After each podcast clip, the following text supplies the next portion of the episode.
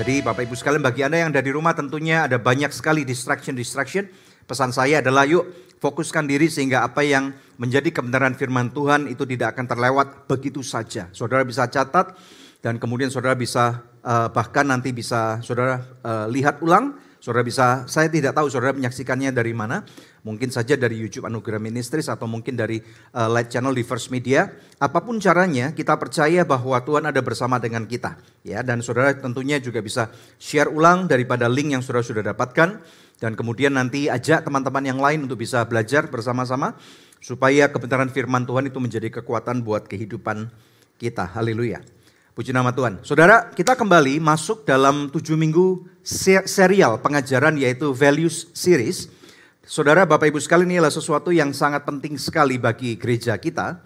Sehingga apa yang kita akan lakukan bersama-sama, kita akan menjadi sepikir, sepengertian, satu visi, saudara ya. Sehingga kita tahu apa yang menjadi kehendak Tuhan bagi kehidupan kita. Topik khotbah saya pada hari ini adalah I am available. Menjadi available, kita tahu bahwa ini adalah suatu kata-kata yang seharusnya tidak mudah. Saudara bisa uh, tentunya pernah punya pengalaman kalau saudara misalnya yang saya dapat gampang sekali pikirkan. Waktu saudara masih belum menikah, masih single. Menjadi available itu artinya saudara siap untuk masuk dalam suatu relationship. Nah tetapi relationship macam apa yang saudara harapkan? Kalau saudara tidak mempunyai satu tujuan akhir daripada relationship itu, maka saudara bisa-bisa akan uh, terlibat dalam dalam suatu hubungan yang salah. Kalau saudara berkata I'm available to serve my country.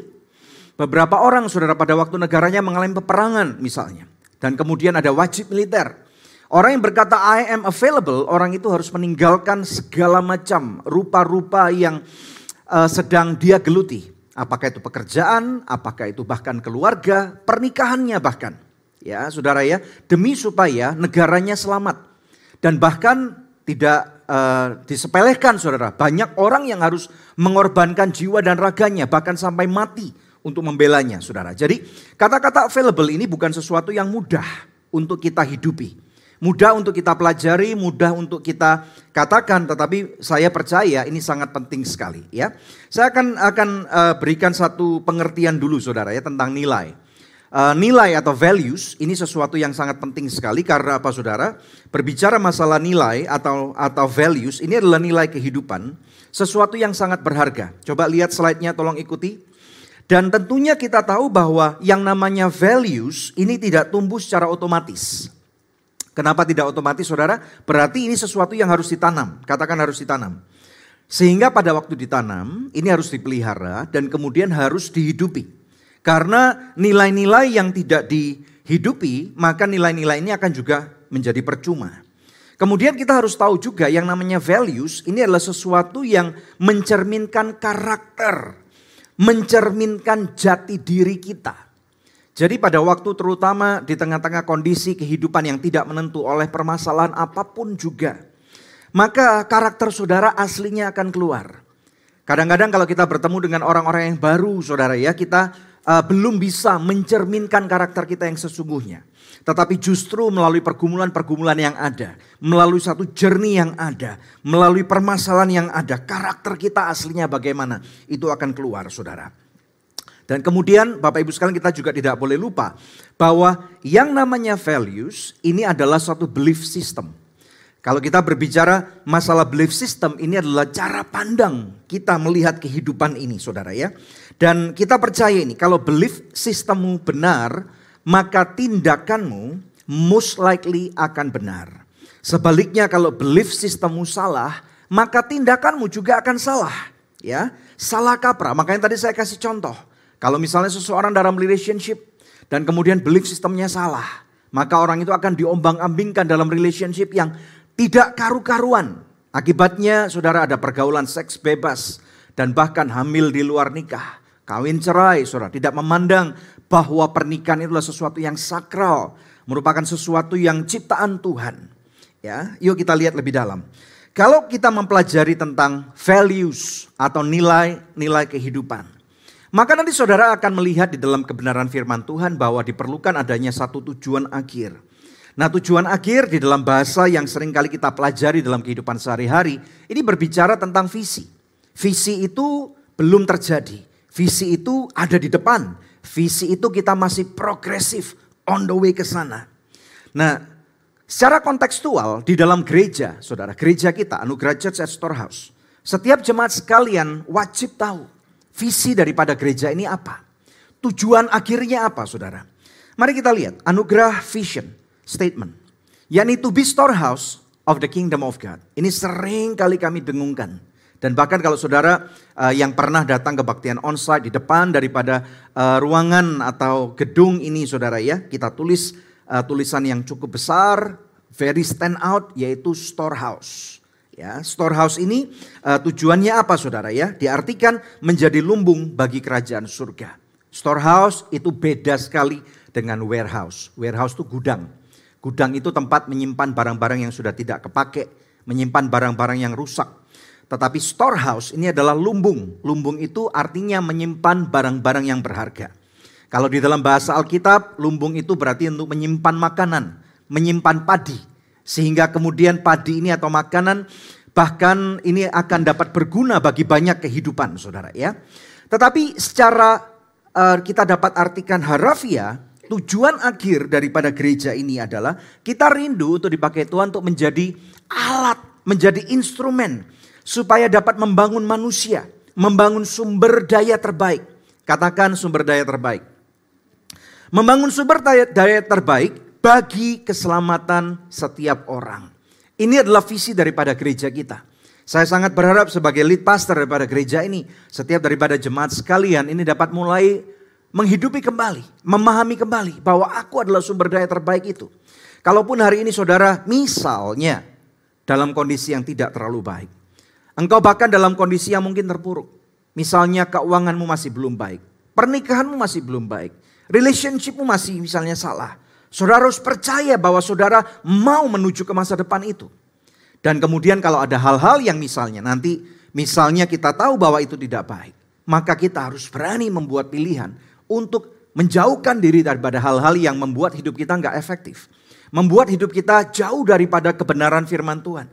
Membuat hidup kita misalnya bahkan berani untuk mengambil keputusan-keputusan yang benar. Membuat komitmen-komitmen bahkan. Dan saudara saya percaya kalau orang-orang yang berkomitmen dengan sungguh-sungguh di dalam Tuhan. Maka Tuhan bukan saja menghargai saudara. Tuhan punya cara untuk memberikan satu reward yang tidak sama dengan dunia ini. Yang percaya katakan amin. Dan bahkan saudara reward-reward Tuhan ini menarik. Saya tidak berbicara tentang hal-hal moneter, saudara ya, tetapi ada banyak sekali hal macam reward-reward Tuhan. Terutama yang saya suka, reward yang Tuhan selalu berikan kepada anak-anaknya itu adalah favor, perkenanan. Ini yang akan membuat kita menjadi efektif melakukan panggilan kita, mengerjakan visi yang Tuhan berikan kepada kita, sehingga kita bisa sampai di tempat tujuan itu dengan benar, saudara. Nah, ada tujuh values yang kita akan pelajari selama tujuh minggu ke depan. Dan saudara, Nanti saudara akan dapat melihat bagaimana caranya supaya kita dapat menjadi efektif. Sehati sepikir dengan semua daripada rekan-rekan yang ada sesama jemaat. Yang pertama, pada hari ini saya akan mengajarkan yaitu tentang satu value yang pertama yaitu I am available. Katakan I am available. Saudara boleh ketik di kolom chat di mana saudara mengikuti ibadah ini katakan I am available. Ya. Dan kemudian minggu kedua nanti saudara akan belajar tentang I never give up. Ini penting sekali saudara. Untuk tidak menyerah di tengah-tengah kondisi yang paling susah. Di tengah-tengah kondisi tantangan. Di mana kadang-kadang yang namanya panggilan kehidupan ini dipertanyakan.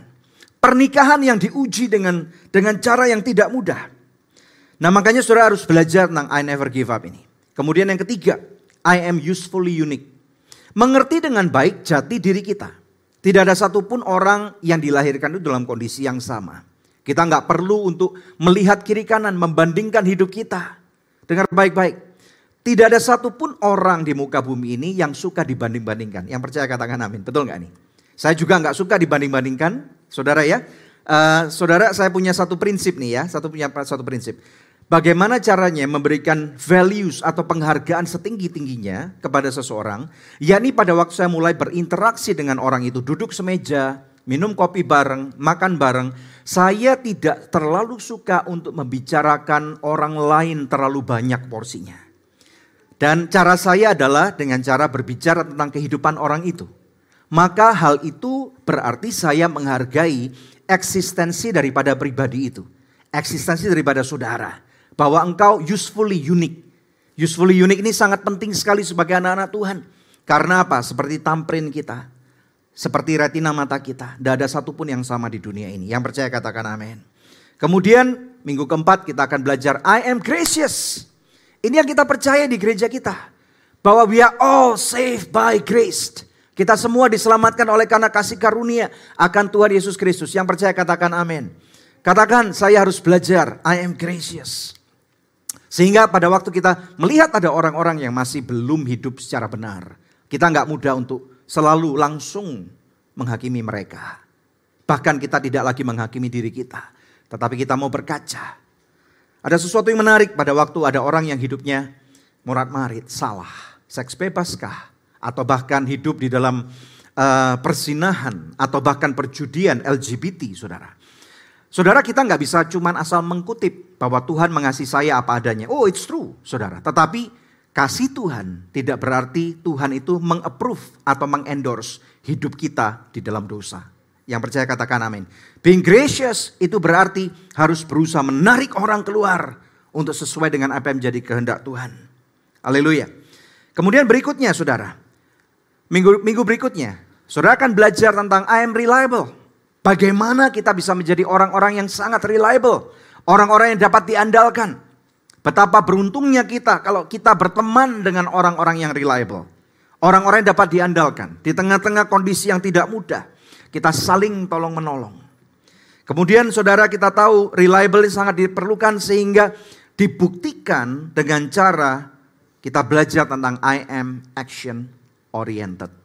Action oriented ini berarti ada pembuktian daripada kasih kita. Ada pembuktian daripada komitmen covenant kita. Di dalam pernikahan kita, di dalam hubungan kita dengan Kristus, di dalam pekerjaan kita, di dalam pelayanan kita, di dalam kasih kita terhadap saudara dan saudari uh, di dalam Kristus, dan bahkan kepada orang-orang yang belum kenal Kristus sekalipun. Dan kemudian minggu yang ketujuh kita akan belajar last tetapi but not least yakni I am humble. Humility atau kerendahan hati ini sangat diperlukan. Bahkan Alkitab itu luar biasa, nggak cuma mengajarkan tentang uh, rendah hati, bahkan to the point of rendah diri, saudara. Orang di dunia tidak mau tentunya rendah diri. Bahkan kita pun sering kali menolak, kita nggak suka untuk menjadi rendah diri. Nah makanya Bapak Ibu sekalian ada tujuh daripada values ini dan nanti saudara, saudara akan ditantang, saudara akan di-challenge. Kalau saudara saya, saya itu adalah seorang pribadi yang suka tantangan. Saya nggak suka kehidupan yang mundane. Mundane itu dalam bahasa Inggris artinya adalah rutin, itu-itu saja. Yang istilahnya penuh dengan prediksi. Tetapi saya suka tantangan. Semakin saya menghadapi tantangan, mata saya akan berbinar-binar gitu ya. Nah dalam tujuh minggu ini saudara akan belajar tentang orang-orang di dalam Alkitab. Orang-orang seperti saudara dan saya. Ya, tetapi kemudian di dalam tujuh minggu ini kita juga akan melihat perbandingan yaitu dari orang-orang ini yang ternyata di Alkitab mereka bisa melakukan panggilan yang luar biasa. Kita akan belajar juga disandingkan langsung dengan Kristus. Bagaimana Kristus menghidupinya. Saya berharap saudara bisa mengerti dengan baik. Saudara boleh, apakah siap belajar nih? Saya tantang saudara, apakah siap belajar? Ya, tantangan yang pertama, apakah engkau siap belajar? Kalau engkau siap belajar, katakan saya siap belajar. Katakan saya siap menghidupi tujuh values ini. Haleluya. Ada amin saudara? Haleluya. Yuk kita masuk dalam pembelajaran pertama. I am available. Haleluya. Yuk kita lihat kebenaran firman Tuhan. Kita akan belajar seperti tadi yang saya katakan dari kehidupan seseorang yang luar biasa sekali dan bahkan firman Tuhan mengatakan orang ini adalah the most meek. Orang yang paling rendah hati di dalam Alkitab. Siapa orangnya saudara? Tidak lain tidak bukan adalah Musa. Ya. Kejadian pasal yang ketiga kita lihat bersama-sama daripada ayat 10 sampai dengan ayat 14. Kejadian 3 ayat 10 sampai dengan ayat 14 kita baca bersama-sama dengan suara yang keras dan nyaring. I need your support guys yang ada di storehouse. Ayo bersama-sama. Kejadian pasal 3 ayat 10 sampai dengan 14 kita baca 2 3. Jadi sekarang pergilah Aku mengutus engkau kepada Firaun untuk membawa umatku, orang Israel, keluar dari Mesir. Tetapi Musa berkata kepada Allah, siapakah aku ini? Maka aku yang akan menghadap Firaun dan membawa orang Israel keluar dari Mesir. Ayat 2, 13, saudara. Maaf, ayat 12. Lalu firmannya, Bukankah aku akan menyertai engkau? Inilah tanda bagimu bahwa aku yang mengutus engkau. Apabila engkau telah membawa bangsa itu keluar dari Mesir, maka kamu akan beribadah kepada Allah di gunung ini. Ayat 13 dan 14. Lalu Musa berkata kepada Allah, tetapi apabila aku mendapatkan orang Israel dan berkata kepada mereka, Allah nenek moyangmu telah mengutus aku kepadamu. Dan mereka bertanya kepadaku, bagaimana tentang namanya? Apakah yang harus kujawab kepada mereka? Ayat 14, baca bersama-sama, ini menarik. Dua, tiga. Firman Allah kepada Musa, aku adalah aku. Lagi firmannya, beginilah aku katakan kepada orang Israel itu, akulah aku telah mengutus aku kepadamu. I am who I am. Nama Tuhan di dalam perjanjian lama ini sangat menarik sekali saudara. Saudara, pengenalan yang luar biasa. Mulai daripada zaman Musa. Di mana Tuhan menunjukkan dirinya.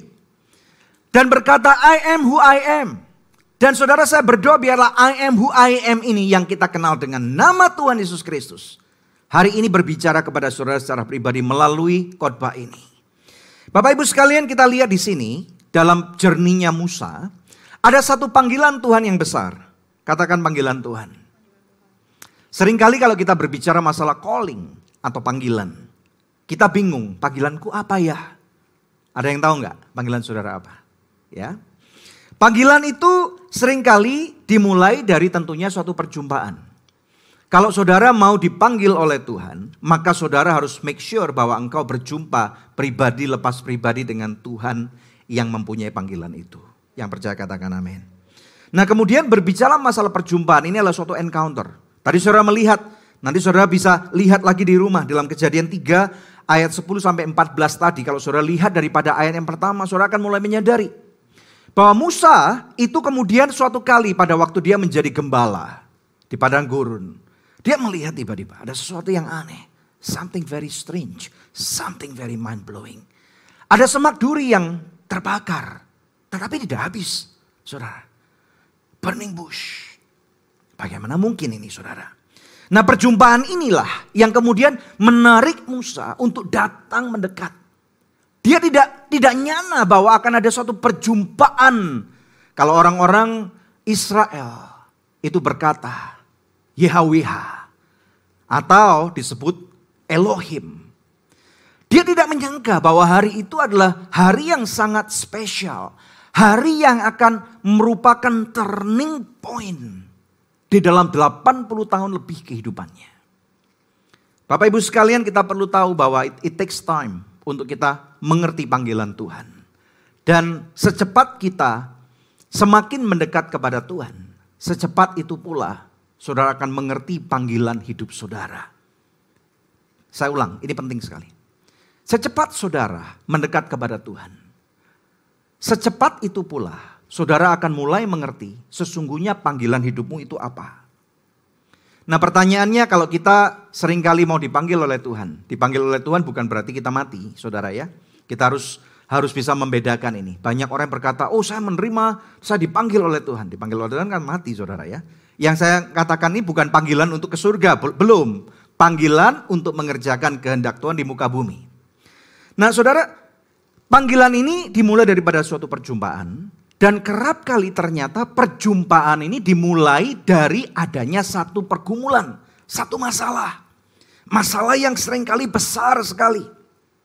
Atau kalau misalnya tidak ada masalah, maka seharusnya akan ada timbul dari rasa ketidakpuasan. Aku nggak puas dengan hidupku. Hidupku kok cuma gini-gini aja ya saudara. Saudara berbicara masalah ketidakpuasan dalam hidup bukan berarti saudara lagi miskin, lagi terpuruk, enggak.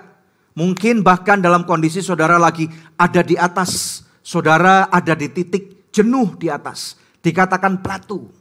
Platu itu datar. Di atas gunung tapi datar. Saudara enggak ke mana-mana. Saudara rasa mentok. Dan saya pernah mengalami ini, saudara. Saya pernah mengalami ini.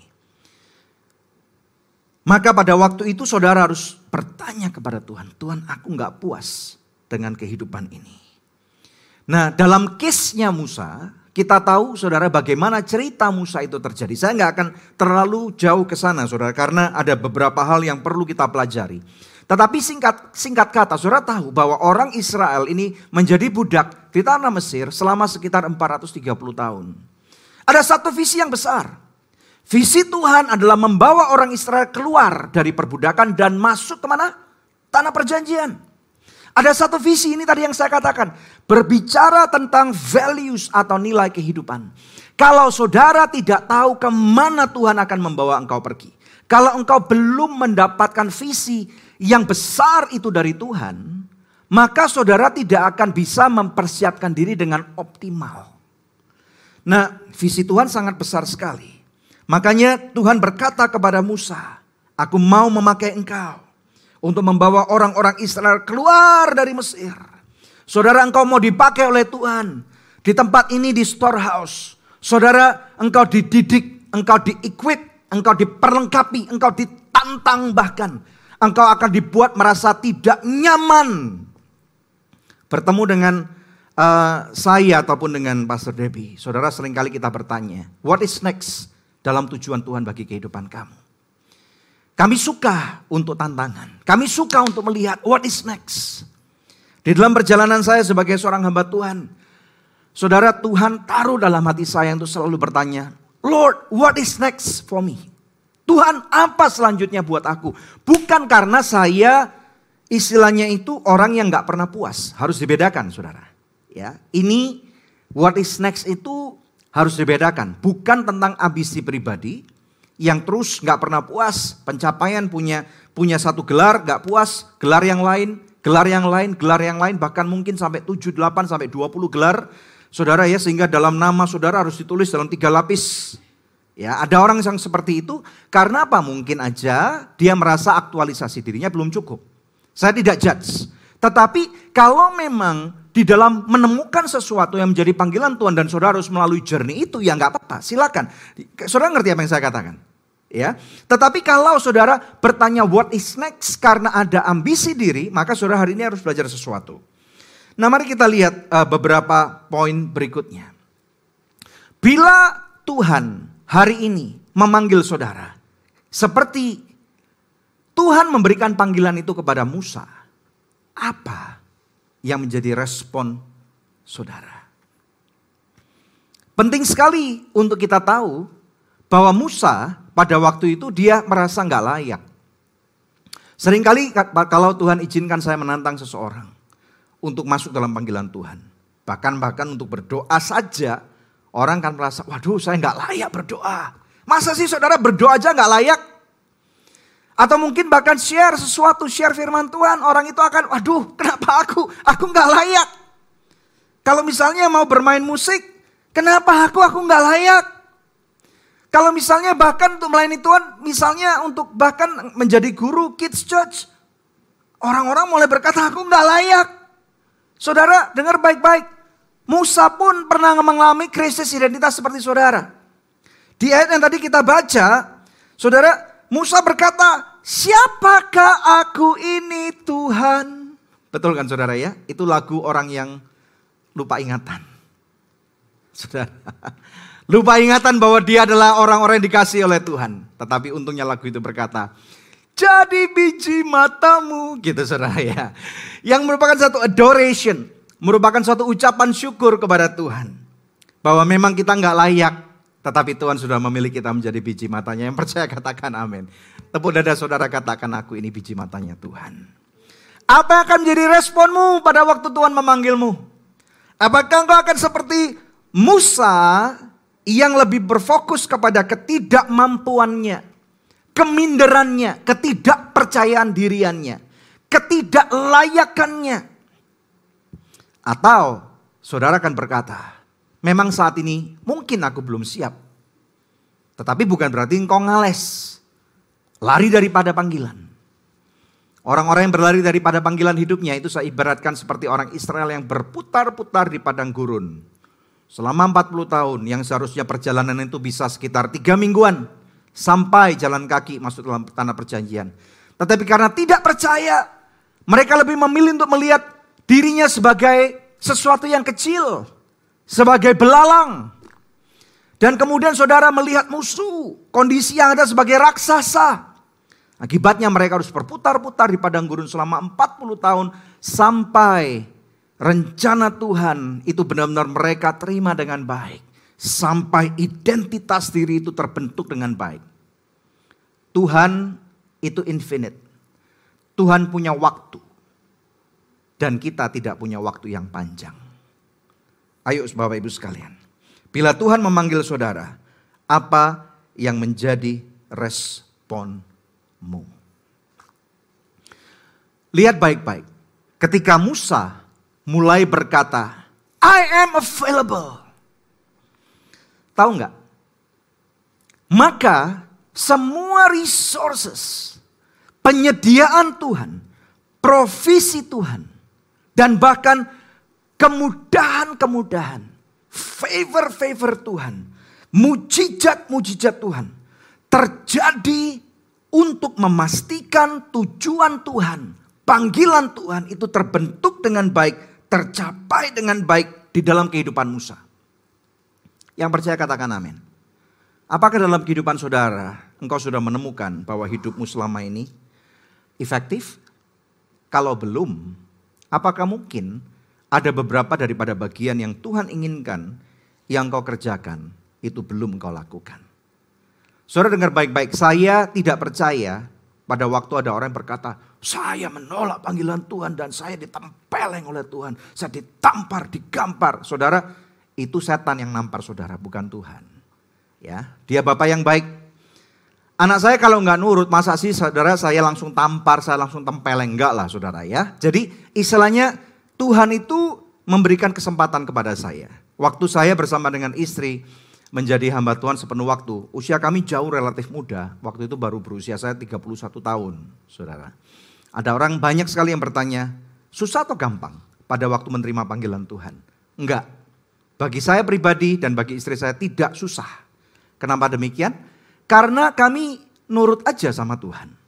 Kuncinya cuma itu, nurut. Ya.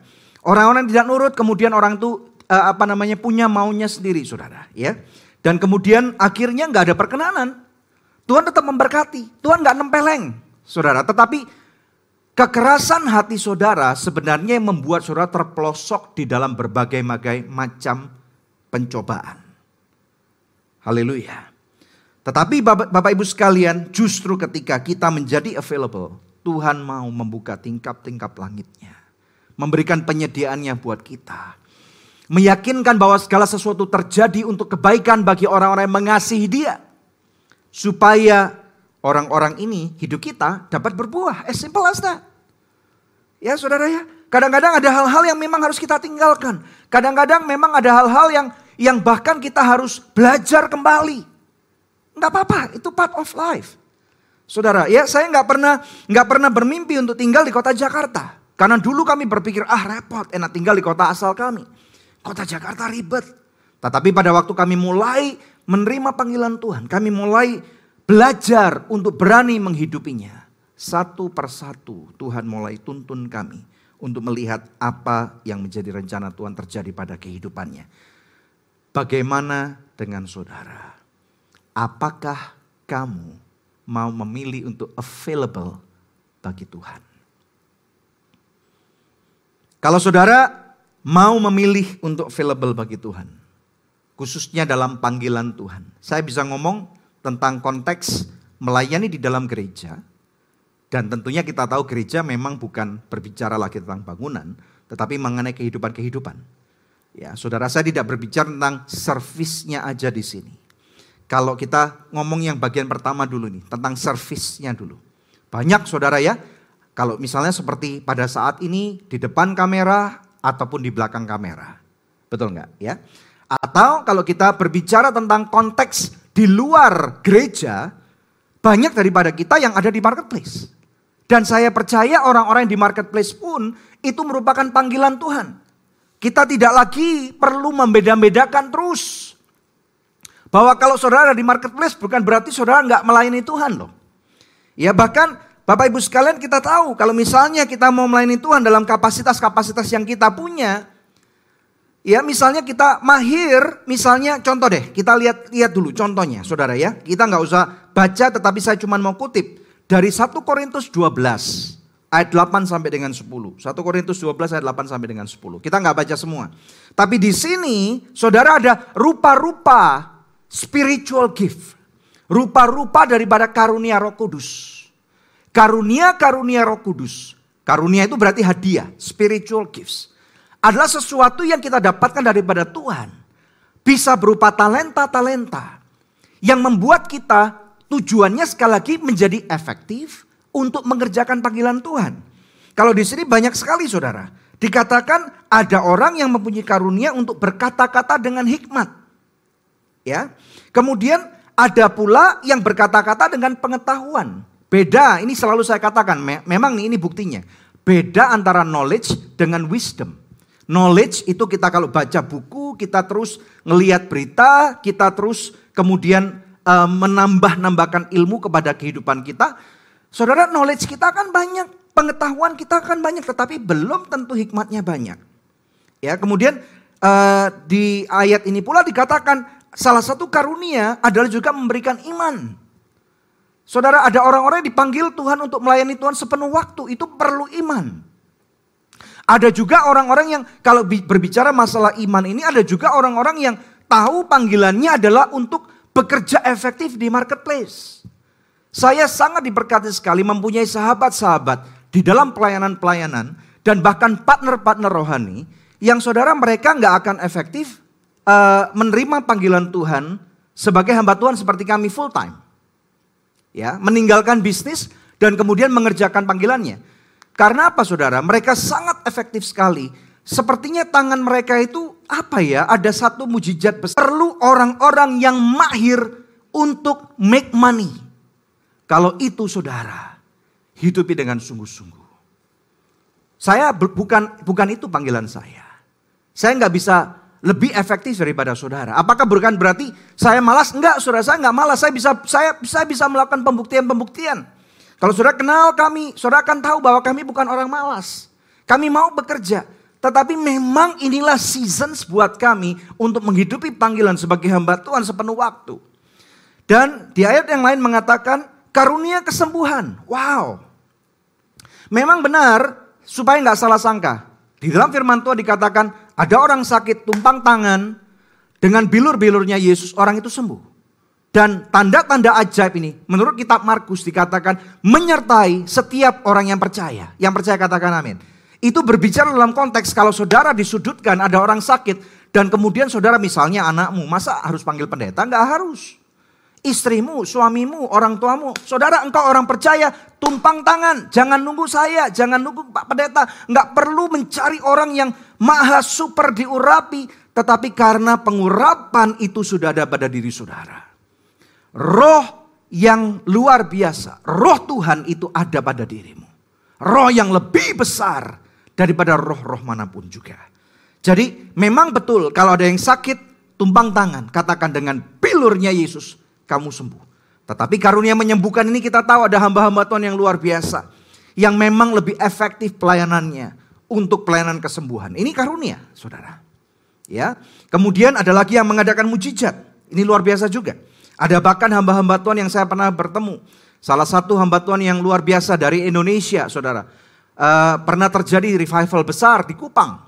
Ya, saudara ya. Kalau saya nggak salah di salah satu tempat yang namanya Soe. Ya, Soe.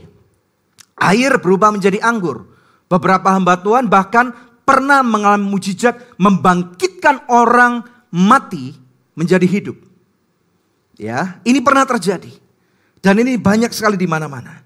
Bahkan ada yang memberikan karunia untuk bernubuat.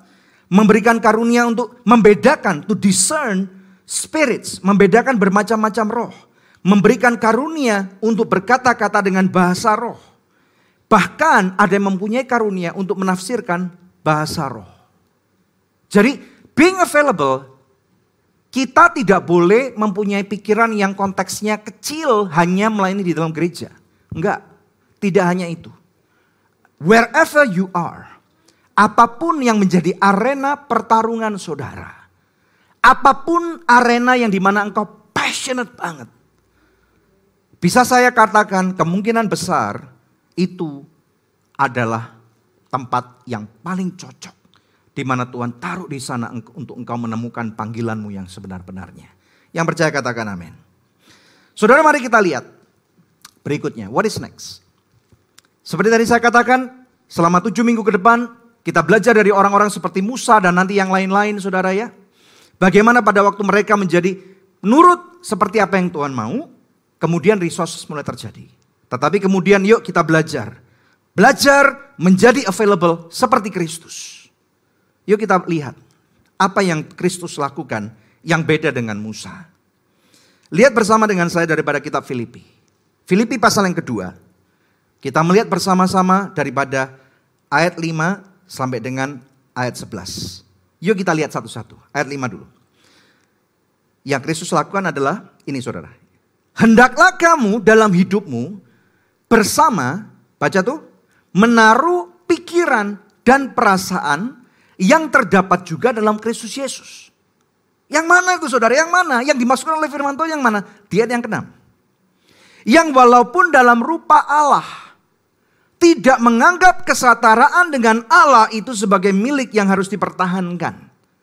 Ada amin nggak? Ya. Jadi kita tahu bahwa Kristus ini adalah inkarnasi daripada Allah. Kristus adalah Allah. Bagian daripada ketritunggalan Allah. Allah Bapa, Allah Putra, Allah Roh Kudus.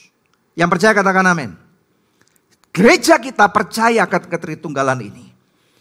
Makanya saudara, dan di dalam pengertian ini menjadi available. Berarti kalau saudara misalnya mempunyai karunia yang tadi banyak itu, Saudara harus mau dulu menselaraskan hidupmu seperti Kristus. Yang nangkap katakan amin. Ya, yang kurang jelas dengerin ulang nanti. Makanya kita perlu tahu Bapak Ibu sekalian supaya pada waktu hidup kita menjadi efektif, kita mulai belajar mengidentifikasikan hal-hal mana yang membuat kita jauh daripada panggilan Tuhan. Hal-hal mana yang membuat kita side track Sidetrack itu distracted. Tidak lagi mengejar panggilan Tuhan. Tidak lagi melakukan panggilan Tuhan. Ya, Yang memang talentamu main musik. Muliakan Tuhan dengan musikmu. Sekali lagi belum tentu cuma di dalam gereja. Mungkin saudara harus membuat album-album yang yang menginfluence orang-orang di dunia. Saudara untuk mengerti tentang cinta bukan cuma cinta eros. Tetapi cinta agape. Haleluya. Kalau saudara karuniamu misalnya tadi yang saya katakan make money, bukan saja saudara perlu membangun fasilitas-fasilitas yang kita perlukan, tetapi bahkan saudara sekolahkan anak-anak orang yang nggak bisa sekolah. Berikan kesempatan untuk membuka lapangan-lapangan pekerjaan. That's it. Yang percaya katakan amin. Haleluya. Kemudian ayat 7. Melainkan telah mengosongkan dirinya dan mengambil rupa seorang hamba dan menjadi sama dengan manusia. Saudara, Tuhan Yesus loh itu mengosongkan diri. Berapa kali saudara lihat di dalam ayat-ayat di dalam gospel. Murid-muridnya mau menyanjung dia sebagai raja dunia. Masih ingat gak? Tetapi dia kembali kepada panggilan Bapaknya. Yuk Bapak Ibu sekalian, rekan-rekan yang terkasih. Kembali kepada panggilan Tuhan. Katakan saya mau kembali kepada panggilan Tuhan. Ayat 8 dikatakan dalam dan dalam keadaan sebagai manusia. Sebagai manusia berarti seperti saudara dan saya nih. Ya, seperti saudara dan saya. Ia telah merendahkan dirinya dan taat sampai mati, bahkan sampai mati di kayu salib.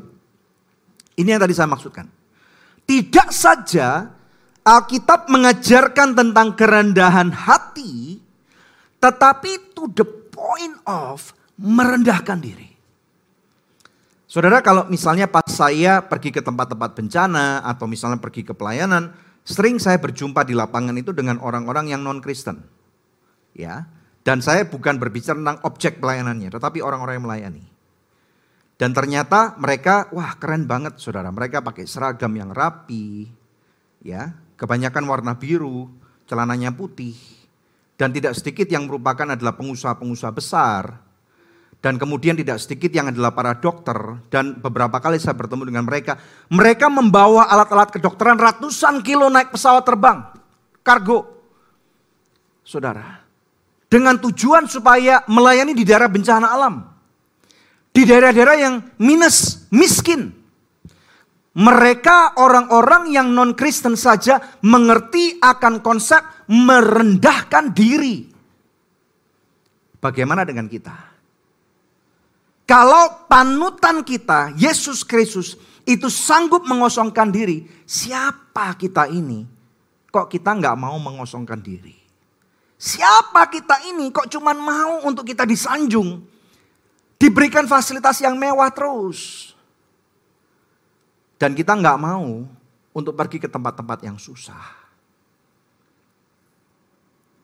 Kita harus berpikir ulang akan prioritas kehidupan ini.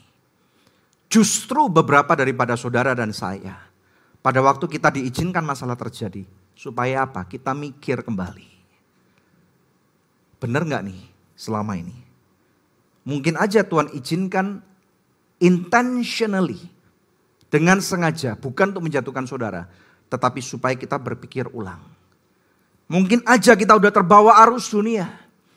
Padahal Tuhan Yesus berkata, kamu ada di dunia, tetapi kamu tidak berasal di dalam dunia. Ayo teman-teman sekalian, kita adalah orang-orang pendatang di bumi ini. Kita adalah warga kerajaan surga. Makanya pada waktu kita ada di sini, pilihan kita apakah kita mau available atau tidak available. Yang mana pilihan saudara? Saudara boleh ketik itu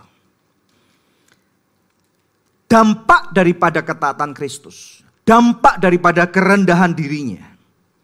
Ayat 9. Itulah sebabnya Allah Bapa sangat meninggikan dia dan mengaruniakan kepadanya nama di atas nama. Goal kita memang tidak seharusnya mencari ketenaran. Goal kita memang tidak seharusnya menjadi konglomerat. Tetapi kalau memang bagian itu Tuhan percayakan kepada kita berarti saudara ada hal porsi lebih besar yang Tuhan mau kita mainkan. Do you understand? Saudara nangkep gak nih? Halo, nangkep gak? Saya nggak bisa ngeliat wajah saudara. Saya bisa membaca chat ini sekarang. Saudara ayo respon. Saudara saya tidak tahu bagaimana kita harus mengerti kembali karena saya nggak bisa paksa saudara. Tuhan pun tidak bisa paksa saudara. Kalau kalau Allah Bapa meninggikan dia, Tuhan Yesus tetap memilih.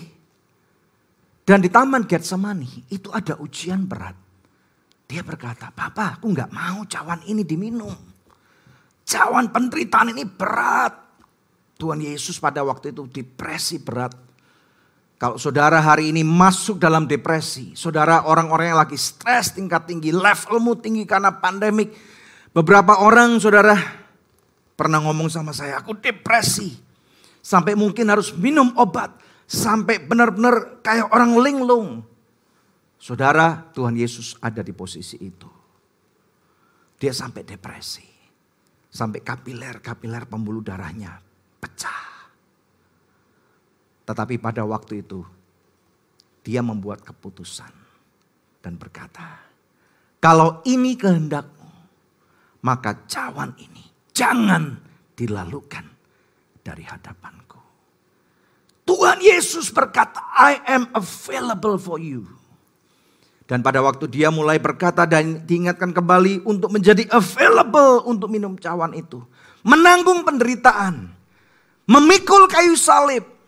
Tidak menghidupi apa yang dia suka lagi. Saudara Allah Bapa mengaruniakan nama di atas segala nama. Yang percaya katakan amin. Kita berikan sorak-sorai bagi Tuhan Yesus Kristus. Haleluya, come on, wherever you are, berikan sorak-sorai kemuliaan yang paling meriah buat Tuhan Yesus Kristus. Sekarang, end produknya apa? End produknya. Ayat 10. Ini end produk kita. Ya. Sesuaikan dengan tadi yang saya katakan tentang visi gereja kita. Baca bersama-sama ayat 10 dan 11. 2, 3. Supaya dalam nama Yesus bertekuk lutut Segala yang ada di langit dan yang ada di atas bumi, yang ada di bawah bumi, dan segala lidah mengaku Yesus Kristus adalah Tuhan bagi kemuliaan Allah Bapa. Your availability itu mengandung kondisi yang sangat besar. Karena dengan saudara menjadi available bagi panggilan kerajaan surga, bagi kehidupan saudara, berarti akan ada orang-orang yang akan mendengarkan kabar baik mungkin dari mulutmu. Bisa juga dari hasil karyamu. Bisa juga dari doa-doa saudara. Bisa juga dari pelayanan saudara. Bisa juga dari panggilanmu menjadi seorang hamba Tuhan. Tujuan akhirnya adalah lidah mengaku Yesus Kristus adalah Tuhan. Kalau menjadi movie star bagaimana Pastor Daniel? Bisa nggak? Oh bisa. Bagaimana menjadi movie star yang berbeda? Yang tidak hidup selaras dengan dunia. Bagaimana kalau menjadi influencer-influencer seperti zaman sekarang Pastor Daniel? Telegram, tweetgram, saudara. Dan semua gram-gram yang lain asal nggak kilogram. Nggak apa-apa. Asal engkau bawa orang-orang itu pada waktu bertanya, why are you different? Kenapa kamu berbeda? Karena ada Kristus Yesus di dalamku. Kalau kamu menjadi seorang dokter, Hari Kamis kemarin kami menginterview seorang dokteran keren banget. Saudara nggak cuman berpaku kepada pengetahuan tetapi kepada wisdom, hikmat daripada surga yang menunjukkan membawa pasien dan berkata, yang aku ceritakan kepada kamu ini cuma diagnosa. Tetapi ada dokter di atas segala dokter. Yang akan menyembuhkan kamu. Dan kalaupun kamu nggak sembuh secara jasmani, jangan takut. Karena apa? Dia sanggup menyembuhkan kamu dan mempersiapkan rumah yang terbaik di surga. Makanya kamu perlu hidup benar di hadapan Tuhan. Dan hidup benar berarti kamu harus bertobat. Meninggalkan semua jalanmu yang salah. Kalau saudara pengusaha. Saya rasa seharusnya menjadi pengusaha itu privilege sekali. Karena apa saudara? Dengan uang yang kamu punya. Firman Tuhan mencatat. Bertemanlah dengan mamon supaya mamon itu bisa dipakai oleh Tuhan membawa keselamatan pada kehidupan yang kekal. Tetapi saudara, sering kali yang kita lihat kebalikannya. Orang yang menjadi kaya lupa diri dan mamon itu membawa mereka kepada kebinasaan. Ayo saudara, saya rindu melihat engkau diberkati. Saya sangat rindu mau untuk melihat saudara diberkati oleh Tuhan. Dengan kekayaan keuangan, dengan hikmat yang melimpah, dengan talenta yang luar biasa.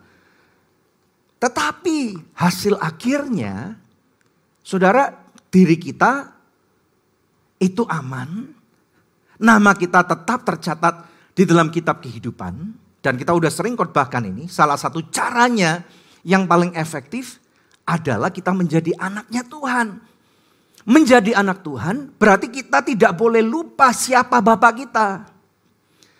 Anak yang bungsu itu aja dia ingat, dia pulang. Pada waktu udah rock bottom kondisinya dia harus bergulat dengan babi-babi. Makan babi boleh, hidup seperti babi jangan. Hidup di dalam dunia boleh, tetapi kalau hidup kita tidak lagi seperti Kristus. Saudara, berarti kita mungkin saat ini sudah melupakan panggilan kita. Bagaimana saudara? Apakah kamu available bagi Tuhan? Ini yang saya katakan tadi. Saya ingin menantang saudara. Read my lips. Are you available for the kingdom of God? Kalau saudara berkata, I'm available for the kingdom of God. Saya ajak saudara untuk mempersiapkan diri. Pemain keyboard atau pemain musik boleh kembali ke tempatnya.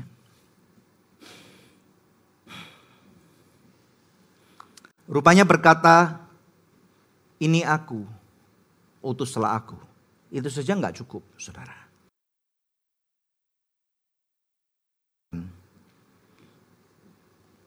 Ada tua-tua Israel. Mereka melepaskan mahkotanya. Dan kemudian mereka menyembah sang raja itu. Saudara perlu tindakan iman untuk kita membuat komitmen to be available for the kingdom of God. Saya mengajak saudara untuk menghidupi visi ini. To be storehouse for the kingdom of God. Haleluya.